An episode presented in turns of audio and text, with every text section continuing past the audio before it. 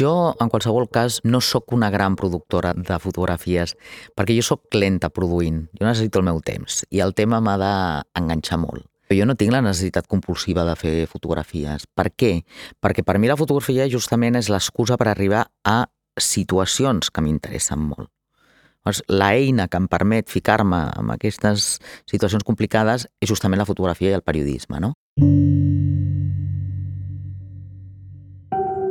Fons. Obres de la col·lecció MACBA explicades pels artistes. Sandra Balcells. Una mica la meva trajectòria comença eh, quan acabo els estudis aquí. Jo havia estudiat fotografia, però realment la fotografia no m'interessava excessivament, m'interessava el periodisme, m'interessava el reporterisme internacional. Jo això sí que ho tenia claríssim i des de petit havia tingut molta vocació i tal, no? Aleshores acabo la carrera, acabo els estudis i pues, arriba aquell moment, jo crec, de crisi existencial que normalment ens passa a tots, de dir, bueno, i ara per on començo, no? Jo ja mig treballava, feia feinetes de fotografia i anava ingressant alguns euros, no? algunes pessetes de llavors, però vaig veure que no, que Barcelona mm, no és que se't quedés petita, però que mm, el món anava molt més enllà de Barcelona, no? I aleshores, mm, bueno, vaig decidir anar a viure fora, vaig anar a viure a Londres, buscant alguna exactament? No, no, jo crec que era una forma de sortir, de ser independent, de tenir que treballar de qualsevol cosa per mantenir-te, vull dir, era un repte propi de l'edat que jo crec que era molt interessant, no? El que passa que aquesta experiència, que m'ho plantejava d'una forma tan naïf, tan professional, pues, bueno, a poc a poc es va consolidant en el sentit de que descobreixo un món molt interessant a nivell social, no? Eh, avui estem molt acostumats amb la quantitat de, de, de minories ètniques que tenim per allà, no? Però jo arribar a Londres l'any 89, pues, al·lucinava amb totes les penyes que trobava per allà, no? Els turcs, els xinos, els indis, els pakistanesos, els... Bueno, hi havia gent de tot el món, no? Em semblava una, una vida riquíssima allà. Però no només a nivell social, sinó a nivell cultural. O sigui, et dones compte de les carències que teníem aquí, no? Jo, que no tenia un duro en aquella època, pues, m'anava cada cap de setmana gratis a veure totes les posicions, cicles de cine, etc. No? Hi havia una vida cultural tan rica i tan barata que era un luxe, no? I aleshores, eh, quan jo vaig descobrir tot això que em va trasbalsar molt, vaig dir, jo no torno a Barcelona ni en broma, no? La meva idea originàriament va ser marxar un any. Llavors m'ho passava molt bé. Havia de córrer molt perquè treballava per les nits en un restaurant, durant el dia estudiava anglès perquè no tenia un bon nivell d'anglès, etc. Però jo era feliç, no? I era lliure, no? Independent, te demostraves a tu mateixa que podies viure del teu sou de restaurant, etc. I llavors vaig veure un postgrau de fotoperiodisme al London College of Printing, que ara és la Universitat de Londres, i, bueno, i vaig dir, bueno, doncs això és el meu, no? perquè he estudiat periodisme, el món de la imatge m'interessa, no és com vulgui dedicar, però és una forma d'unificar-ho. I allò va ser veure la llum, vaig dir, això és el que jo vull fer, no? Llavors, afortunadament, gràcies a aquest postgrau, vaig entrar a, a fer pràctiques com a becària a dos diaris, i un d'aquests diaris doncs, va canviar la meva vida, no? va ser el Times, jo vaig començar allà de becària, quan vaig acabar el període de beca doncs, vaig començar a fer propostes, de coses, de temes d'actualitat de Londres, i bueno, vaig establir una molt bona relació amb l'editor gràfic. Aleshores, arriba un moment doncs, que l'actualitat europea i mundial pràcticament estava al cor d'Europa, no? la desintegració de, de Iugoslàvia l'any 91. I clar, dic, com això ho tenim aquí al costat, és Europa, puc anar amb cotxe, i llavors me'n vaig anar a veure l'editor gràfic del Times i li vaig proposar la idea de, de marxar cap allà, no? I bueno, pues no sé, va ser sorprenent i em va dir, vale, pues sí, en dos dies et vull allà, no? Bueno, vaig sortir de la redacció del Times i vaig dir, uau, això sí que és un repte, no? Per on començo jo que no tinc ni idea, tal. I que vaig tan mal equipada. Llavors, el primer que vaig fer va ser comprar-me una segona càmera de fotos, de segona mà, perquè només tenia una, i portar immediatament el cotxe a un mecànic, perquè era un cotxe molt antic, un Renault 5 que jo m'havia portat des de Barcelona, i jo dic que amb això no arribo ni en broma allà, no?, als Balcans i, bueno, i m'ho va reparar i pim-pam, i al cap de dos dies pues, marxava cap allà. No vaig marxar sola, vaig marxar amb un company de la universitat que va fer exactament el mateix que jo, però amb el Guardian, amb un altre diari, i vam creuar tota Europa amb el Renault 5 fins a arribar a Eslovènia, eh, que era una mica l'epicentre de la desintegració dels Balcans. I, bueno, la guerra d'Eslovènia va ser curta, afortunadament, es va resoldre d'una forma bastant civilitzada, però els problemes serios van començar a Croàcia, no? Bueno, allò va ser per mi una experiència molt dura, molt dura perquè mm, jo no estava preparada per el que va, et toca viure, perquè jo no sabia que aquesta guerra seria tan imminent, ningú s'ho imaginava, perquè va deteriorar-se molt ràpid, no? Nosaltres en realitat anàvem a documentar aquest procés de desintegració d'un país, no? I de cop i volta el país s'ensorra sota els teus peus, no? Llavors allà pues, has de decidir què fas, si ets capaç de quedar-te, de treballar o no, o si et quedes paralitzat i per tant has de tornar, no? I, i llavors el meu aprenentatge va ser sobre el terreny i va ser dur, va ser dolorós. Jo vaig patir molt, no? El que passa que per una altra banda em va pillar aquella història de forma brutal, eh, em vaig implicar molt i aleshores es va convertir en una obsessió, no? Llavors començo posar amb el conflicte de Croàcia, poc després va començar el de Bòsnia, després vaig cobrir el que era la postguerra a Sèrbia, que era un món molt tancat, molt desconegut, no? però el que dèiem de les víctimes i els butxins. Aquells eren, entre cometes, els butxins de les guerres. I jo vaig allà i em trobo amb un món de misèria i de víctimes, no? Eh, Després va venir el, el treball a Kosovo, la guerra de Kosovo, la deportació d'Albània, és a dir, va ser una dècada en la que vaig anar tornant i tornant, tornant, tornant, perquè em va enganxar molt, no? És, ho deia, no és només una feina professional, és que la teva vida gira al voltant d'allò que està passant allà, no? Vull dir, en cert et converteix en part d'això, no? I vaig fer l'últim treball fotogràfic el 2000, quan va caure Milosevic, a partir d'aquí vaig, vaig preparar el llibre, Balkan in Memoriam, que és el que recull aquest, aquesta dècada, i jo pensava que allà ja era una mica el final de la meva relació als Balcans, però justament d'allà neix un altre projecte que és el més maco per mi que he fet mai des del punt de vista de gratificació personal, no? que va ser un treball de retorn i d'anar a buscar alguns dels protagonistes de les meves fotografies, mirar si els trobava i a partir dels seus testimonis a fer un balanç de la guerra com l'havien viscut ells des del punt de vista personal, cadascú pues, amb lectures molt diferents, i sobretot com estaven sobrevivint a les terribles postguerres. No? I allò va ser un projecte meravellós que finalment va acabar en format de documental de televisió i una peça molt ben publicada, per cert, al magazín de La Vanguardia, que és la que després va ser guardonada amb l'Ortega i Gasset, i bueno, una història impressionant. Si dius, si té algun sentit la professió és per fer projectes com aquests. Aquest documental de producció va ser caríssim, clar, són, és, és, és rodat a Iugoslàvia, sis persones viatjant, dos viatges, perquè vam tenir que fer un primer viatge el 2004, o el 2003, no me'n recordo, 2003-2004, per veure si trobàvem a la, a la gent.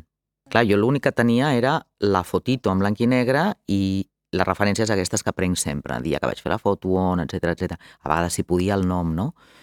clar, jo no tenia cap contacte amb aquesta gent. Aleshores vam fer un primer viatge de localitzacions per veure si els trobàvem, els vam trobar, els que buscàvem, i després, pràcticament al cap d'un any, ja vam fer la, el rodatge. Per tant, va ser un projecte molt, molt llarg. I molt costós, molt car, molt car.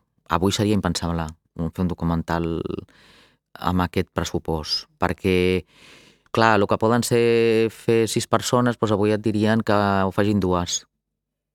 I els resultats no són els mateixos.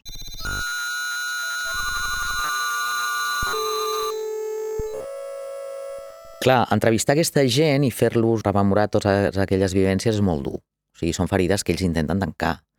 I apareix un equip de televisió 11 anys després, o 13 anys després, o 8 anys després, burxant, en el fons, no? Aleshores, la primera cosa que vam intentar fer, i jo crec que això s'ha de fer en qualsevol treball, és fer entendre bé el per què, el sentit d'aquests treballs, no? I, en definitiva, el sentit és que ells que mai tenen veu, les víctimes dels conflictes que mai tenen veu per explicar-se, som sempre els periodistes que parlem per veu dels altres, tinguessin l'ocasió de, de parlar a càmera i explicar les seves vivències, no? Que seria dolorós, ells ja ho sabien. Per tant, pels protagonistes és dolorós, té una part molt satisfactòria, jo crec, per ells, que és retrobar-se amb unes imatges que no sabien ni que existien i que tu, com a autora d'aquelles imatges, vas i els hi portes, que jo crec que ho, ho condensa molt bé la mare de família Albano Kosovar, no? Primer està plorant i tal, perquè és veritat, és molt dolorós abocar, i després diu, no canviaria aquest moment per res en el món, no? Perquè li estàs portant una part de la seva memòria, que són les fotos. Clar, és brutal, no? Una persona quan és obligada a marxar de casa seva, i això passava, passava a Kosovo, en cinc minuts per marxar de casa teva. El primer que agafava la gent són les fotos familiars, els àlbums s'ho emportava, però no vol dir que ho pogués conservar. Llavors aquesta gent és gent que ha perdut la seva memòria visual, no? I apareixes tu com un fotògraf amb les fotos, encara que sigui d'un tema doncs, molt dolorós, com és el funeral del teu marit, que li vaig portar a una dona doncs, totes les fotos de la seqüència del funeral, encara que sigui molt dolorós, és rescatar una part de la teva vida que pensaves oblidada, que tenies mig tal, no? L'Amra, la noia que estava agonitzant a Mostar, ella no havia tornat mai a aquell espai. I jo li vaig dir, estàs segura que vols tornar? Estàs segura que vols que fem l'entrevista allà? I ella va dir sí. O vaig amb vosaltres o no, no aniré mai més a aquest puesto, no? I en canvi després arriba i es desmunta. Mostra com la població civil ha quedat tocada per totes aquestes coses, no? i mostra sobretot el que dèiem abans de les víctimes i els butxins. Aquest és un croat, però després parles amb un serbi, que era un militar que fotia mines, però no deixa de ser una gran víctima de la guerra, un gran perdedor. I vas entrevistar la Ambra, la noia musulmana que estava tota ferida de metralla, i és una altra gran víctima, no? I tots són d'ètnies diferents. O sigui, la guerra pilla tothom i, i matxaca tothom, no? Tret d'una minoria que és la que se salva i, i els que estan disposats a sacrificar la vida dels pobres desgraciats del poble, no? Això són les guerres. Jo el 2006, quan rebo l'encàrrec del MACBA, doncs una cosa sorpresiva, perquè jo no estava en aquests eh, circuits, però bueno, resulta que hi ha un comissari doncs, que t'ha seguit, que coneix la teva obra, que li agrada la teva mirada i que et fa una proposta que en principi no és les que tu rebaries normalment amb una quinzena de fotògrafs i que la voluntat última d'aquest projecte era radiografiar doncs, la Barcelona del segle XXI, no? els canvis o, o els nous fenòmens que s'estaven produint. Em va semblar una proposta interessant, però el fet de que et limitessin el tema a mi m'espantava una mica, no? Aleshores, quan ens ho van comunicar, en un primer moment jo ho vaig rebre molt bé perquè era un tema que jo ja portava molts anys treballant a, a diferents països, que era el tema de la religió. Mm? Eh, jo fa molts anys que ho estic seguint a illes de la Mediterrània, concretament he treballat més a Sicília i era un tema que em semblava molt atractiu. Passa que després, a mesura que vam anar passant el temps, el projecte va anar canviant i alguns dels fotògrafs ens van modificar l'encàrrec, entre ells jo. I aquest primer tema, que havia de ser la religió, inclús ja havia sortit publicat a algun lloc a la premsa, no? on s'explicava què faria cada fotògraf, etc. es va acabar reconvertint en una nova proposta que era la formació de les elites. Bueno, aquí el repte va ser encara més gran, no? perquè jo pensava que era un tema molt difícil de fer sense caure amb els tòpics. Aleshores, parlant amb el comissari, amb el Jorge Ribalta, doncs vam estudiar una mica quines possibilitats teníem de, i, i d'on desenvolupar-ho. No? Ells em van oferir la possibilitat de fer-ho a l'IS i jo, doncs, el primer que li vaig dir és tinc que anar a veure com és l'IS, no? com és l'espai, i en funció d'això doncs, veuré quines possibilitats té aquest encàrrec i vaig anar a l'IS i em vaig enamorar de les instal·lacions. Tenen dos edificis, un que és l'edifici històric i després justament feia molt poc havien inaugurat el nou edifici, que és un edifici doncs jo crec que molt vanguardista, estèticament molt maco, bueno, tenia moltes possibilitats, no? I aleshores em vaig engrescar. No va deixar de ser un repte, per mi va ser un projecte molt difícil, però em vaig engrescar.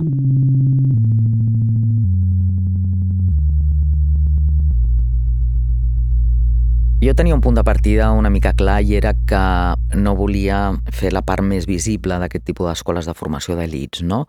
És a dir, no sé, quan et parla d'una escola i el que penses en primer lloc és una aula i professors, no? És el que succeeix en una escola, sigui de negocis, sigui de lo que sigui. Eh, aleshores em vaig plantejar el projecte una mica a la inversa. Què no veiem o quin tipus d'esdeveniments es produeixen més enllà de les meres classes, no? I aquest va ser una mica el fil conductor. O sigui, mm, una de les tasques bàsiques va ser documentar-me sobre tots aquells esdeveniments que eren puntuals, que eren anecdòtics, que sortien una mica de la formació convencional. No? I jo crec que això va ser el gran què del projecte per no caure una mica en el que seria una fotografia potser molt cuidada de les aules, etc etc, però que no deixava de ser una foto molt convencional, no? I pensant que havies de tenir una mirada personal sobre aquesta realitat i que, a més, el destinatari últim d'aquest treball era un museu, jo tenia clar que m'ho havia de plantejar d'una altra manera. I aleshores amb la persona de premsa de, de l'IS, que van tenir moltíssima disponibilitat, estaven molt interessats en que es fes aquest projecte, vam establir una mena de calendari sobre totes aquelles situacions una mica particulars o fora de lo normal que es produïen allà, no? Doncs vaig fer, si no em recordo malament, 10 sessions que corresponien justament a 10 esdeveniments particulars. Una trobada d'exalumnes, una trobada d'empresaris, un acte de graduació, un còctel de benvinguda no sé què, eh, les jornades de l'automòbil, una trobada de dirigents xinesos, com tenia sis o set mesos pel davant per fer-ho, doncs va ser un ritme de producció molt còmode i molt relaxat, no? on tu tens temps d'editar el teu material, mirar-lo amb calma, de manera que el proper dia que tornis ja saps què és el que busques, més o menys, i en aquest sentit va ser una feina molt còmoda. Quan un aborda un tema com aquestes eh, escoles de les elites, no? de lo que seran els poderosos de l'endemà, jo no me'ls miro així, jo me'l miro, intento mirar-ho com a individu, per això et deia, la fotografia no és només fer fotos, tu has de parlar amb la gent, no? Doncs pues et trobes amb gent que té molt mèrit, que és un indi que sortia d'un barri marginal de Bombay o de Calcuta i que la seva família ha fet un gran esforç per no es pot globalitzar de dir tota la gent que estudia allà seran els taurons de l'endemà. No, també és la gent que donarà feina, no? I gràcies a això hi ha molta gent doncs, que tindrà una primera oportunitat de treballar. Aleshores, jo sempre intento diferenciar molt això, no? No tenir un prejudici d'entrada sobre una col·lectivitat, sinó intentar mirar les coses d'una forma més individual, no? quan és possible, no sempre és possible, lògicament. Això requereix temps i, i dedicació. També em semblava molt interessant que a Barcelona tinguéssim una escola que destacava mundialment, quan és un país que no destaquem pràcticament per res, no? És a dir, també hi havia aquesta curiositat per saber què oferia aquesta escola que no les oferís doncs jo què sé, les franceses o les d'una altra banda. O sigui, no ens oblidem que entre IS i SAD estan al top del rànquing mundial, no? Aleshores, per mi va ser una immersió en un món molt interessant. Ojo, és un món que em queda molt lluny, no hi ha aquesta implicació personal doncs, que pots trobar en situacions a vegades molt més complexes, de coses sèries que passen al món, però va ser molt interessant no? fer aquesta immersió. En definitiva, el gran que de la fotografia és poder accedir a mons que no són els teus i tan lluny per mi era el món dels de, hospitals Haití com una escola de negocis top, top, top a Barcelona, no? Però jo crec que la curiositat, que és el que impregna tot el del món del periodisme i de la fotografia, pues fa que sempre et sorprenguis davant d'aquests mons que no són els teus, no? Ara el tema és com et posiciones. No? Què vols explicar? Qual, quina és la teva mirada davant d'aquesta realitat, no? Jo, mm, sincerament, no tenia una voluntat crítica. Quan documentes situacions dramàtiques i que impliquen realment ficar-te tu de ple amb aquella història, una de les coses bàsiques que vols aconseguir amb les fotografies és lògicament la proximitat, però que aquelles imatges transmetin emotivitat i, per tant, la proximitat física és essencial. Justament, com jo no tenia aquest procés d'identificació amb la gent que es mou aquesta escola i, a més, l'objectiu no era apel·lar als sentiments de l'espectador, al contrari, jo crec que justament queda una fotografia bastant freda, bastant distant, però per un altre motiu, i és que precisament perquè jo considerava que era un projecte per mi difícil, havia de jugar molt amb recursos plàstics, estètics que et trobes allà, que poden ser reflexes, portes, sempre que es veiés a la mesura del possible el logo de l'IS per ubicar l'espectador, hi ha dues o tres fotos on ho mostro, mostrar també una mica la magnificència dels espais, per exemple, doncs hi ha una foto que és de l'auditori i en lloc de centrar-te doncs, amb els primers plans de la persona que està escoltant, el que he volgut mostrar és la fredor i la magnificència justament de l'espai, no? Cada reportatge o cada projecte de l'àmbit documental jo crec que requereix anava a dir un tractament diferent, no, perquè seria impossible. Però la teva aproximació a aquella realitat sí que és diferent. Jo em sento molt més eh, propera vivencialment doncs, a una gent que pot estar en una situació molt complicada i que mm, la lluita per la supervivència és molt difícil, em puc sentir més identificada i més propera que amb gent doncs, que està pagant una pasta gansa per estudiar en una escola. Mm? A veure si m'entens. És una cosa de sentiment, també, no? Aleshores, jo crec que hi ha eh, de forma buscada aquesta certa distància, però també aquest intent de jugar amb els espais perquè és el que sabia que em podia estèticament enriquir la fotografia, no? Després, coses molt significatives. Pues, eh, jo sabia una foto que la volia i era el retrat d'Escriva de Balaguer, fundador de l'Opus i d'aquesta escola, d'aquesta institució, no? per mi era una cosa fundamental des del punt de vista informatiu per ubicar en quin ambient, um, o sigui, o quina és la línia de pensament o tal d'aquesta escola, per tant, eh, aquella era una fotografia imprescindible. Per tant, pot haver aquesta mirada crítica, però no era la consigna ni el punt de partida. Ara, insisteixo, mostrar qui és el fundador d'aquesta institució, doncs, per mi ja era una mirada, en cert modus, crítica, i cadascú opini el que li dongui la gana. Però és una forma de dir, senyors, això està pel darrere, no? I això condiciona una sèrie de comportaments i condiciona una certa ideologia. Però això és una cosa que tu vas digerint a mida que la vas descobrint. Posicionar-te d'entrada crec que és un gran error. Amb aquest treball amb tots, eh?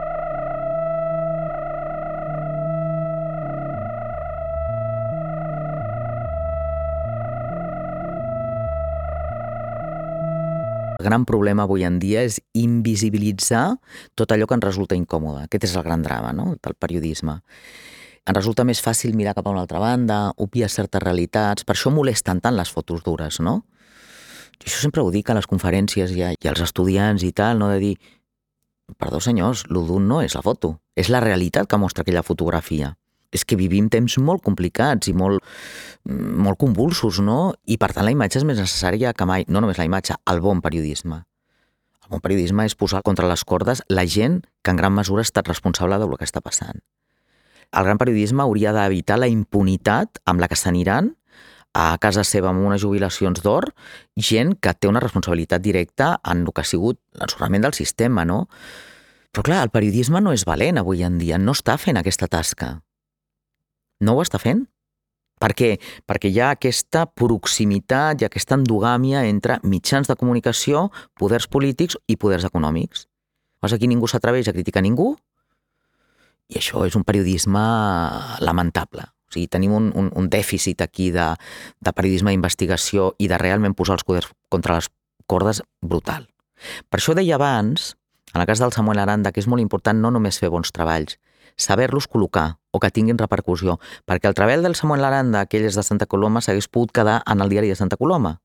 En el moment que això és portat del New York Times, comença a tenir molta repercussió. No sé, jo encara crec en el poder de la imatge. Hi ha moments històrics a, a, que ho mostren, no? el poder de la fotografia, la Guerra Civil Espanyola, la Guerra de Vietnam, etc. I moltes vegades parla de que ja no pot tenir.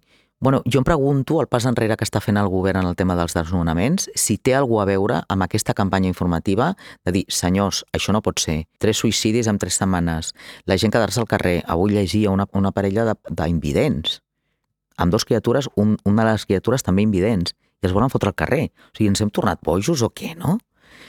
Aleshores, no és només documentar-ho i denunciar aquestes coses, sinó això ha de tenir rotació, això s'ha d'extendre per tot arreu, no? I, bueno, aquí sí que ens ajuda molt les noves tecnologies. Després també hi ha una altra cosa que contra això el periodisme no pot fer res. Quin és el grau d'empatia i de sensibilitat a l'opinió pública? Pues a vegades l'opinió pública és de pedra i no reacciona. Llavors aquí sí que ja no podem fer gran cosa, no?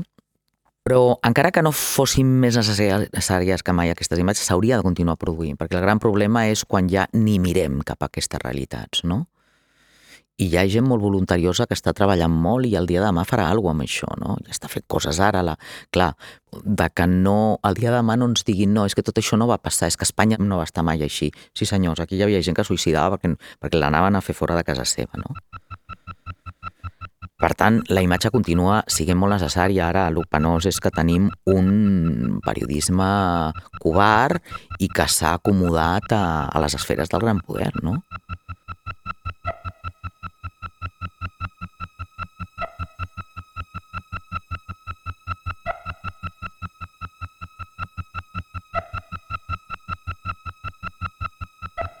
Tot s'està desmantelant una mica el periodisme en general, no? però encara hi ha països que tenen una certa dignitat periodística. Jo crec que Espanya ja s'ha perdut això. És una pena, és una, és una monstruositat, però és la veritat, no? Però no només per aquesta endogàmia que es produeix entre mitjans de comunicació i poders, sinó també perquè el periodista de carrer li han deixat molt poc marge de treballar. És a dir, precarietat laboral, ja no pot dedicar temps als, als temes, els temes requereixen temps les coses no es fan d'un dia per un altre, no? el que deia de produir a poc a poc, no? s'ha produït també que els periodistes de tota la vida i que més o menys estaven ben pagats també s'han acomodat una mica a tota aquesta nova situació. Eh, la gent jove que vol assurar una mica doncs es troba amb barreres permanents, no? treballant amb, amb tarifes de, de, d'autèntica vergonya, i no parlo mm, tarifes d'un diari petit, eh? parlo de mm, les agències nacionals d'aquest país, Agència F, Europa Press, etc. No? Aleshores ens estem trobant aquí amb un panorama desolador que jo crec que en altres països han intentat mantenir uns estàndards més alts. També és veritat que la tradició democràtica del nostre país no és comparable a la de Gran Bretanya o la d'Alemanya, que tenen premsa molt més sèria, no? I llavors aquests dèficits els acabem pagant. I en l'àmbit de la informació és evident, no? És molt, molt, molt trist el panorama.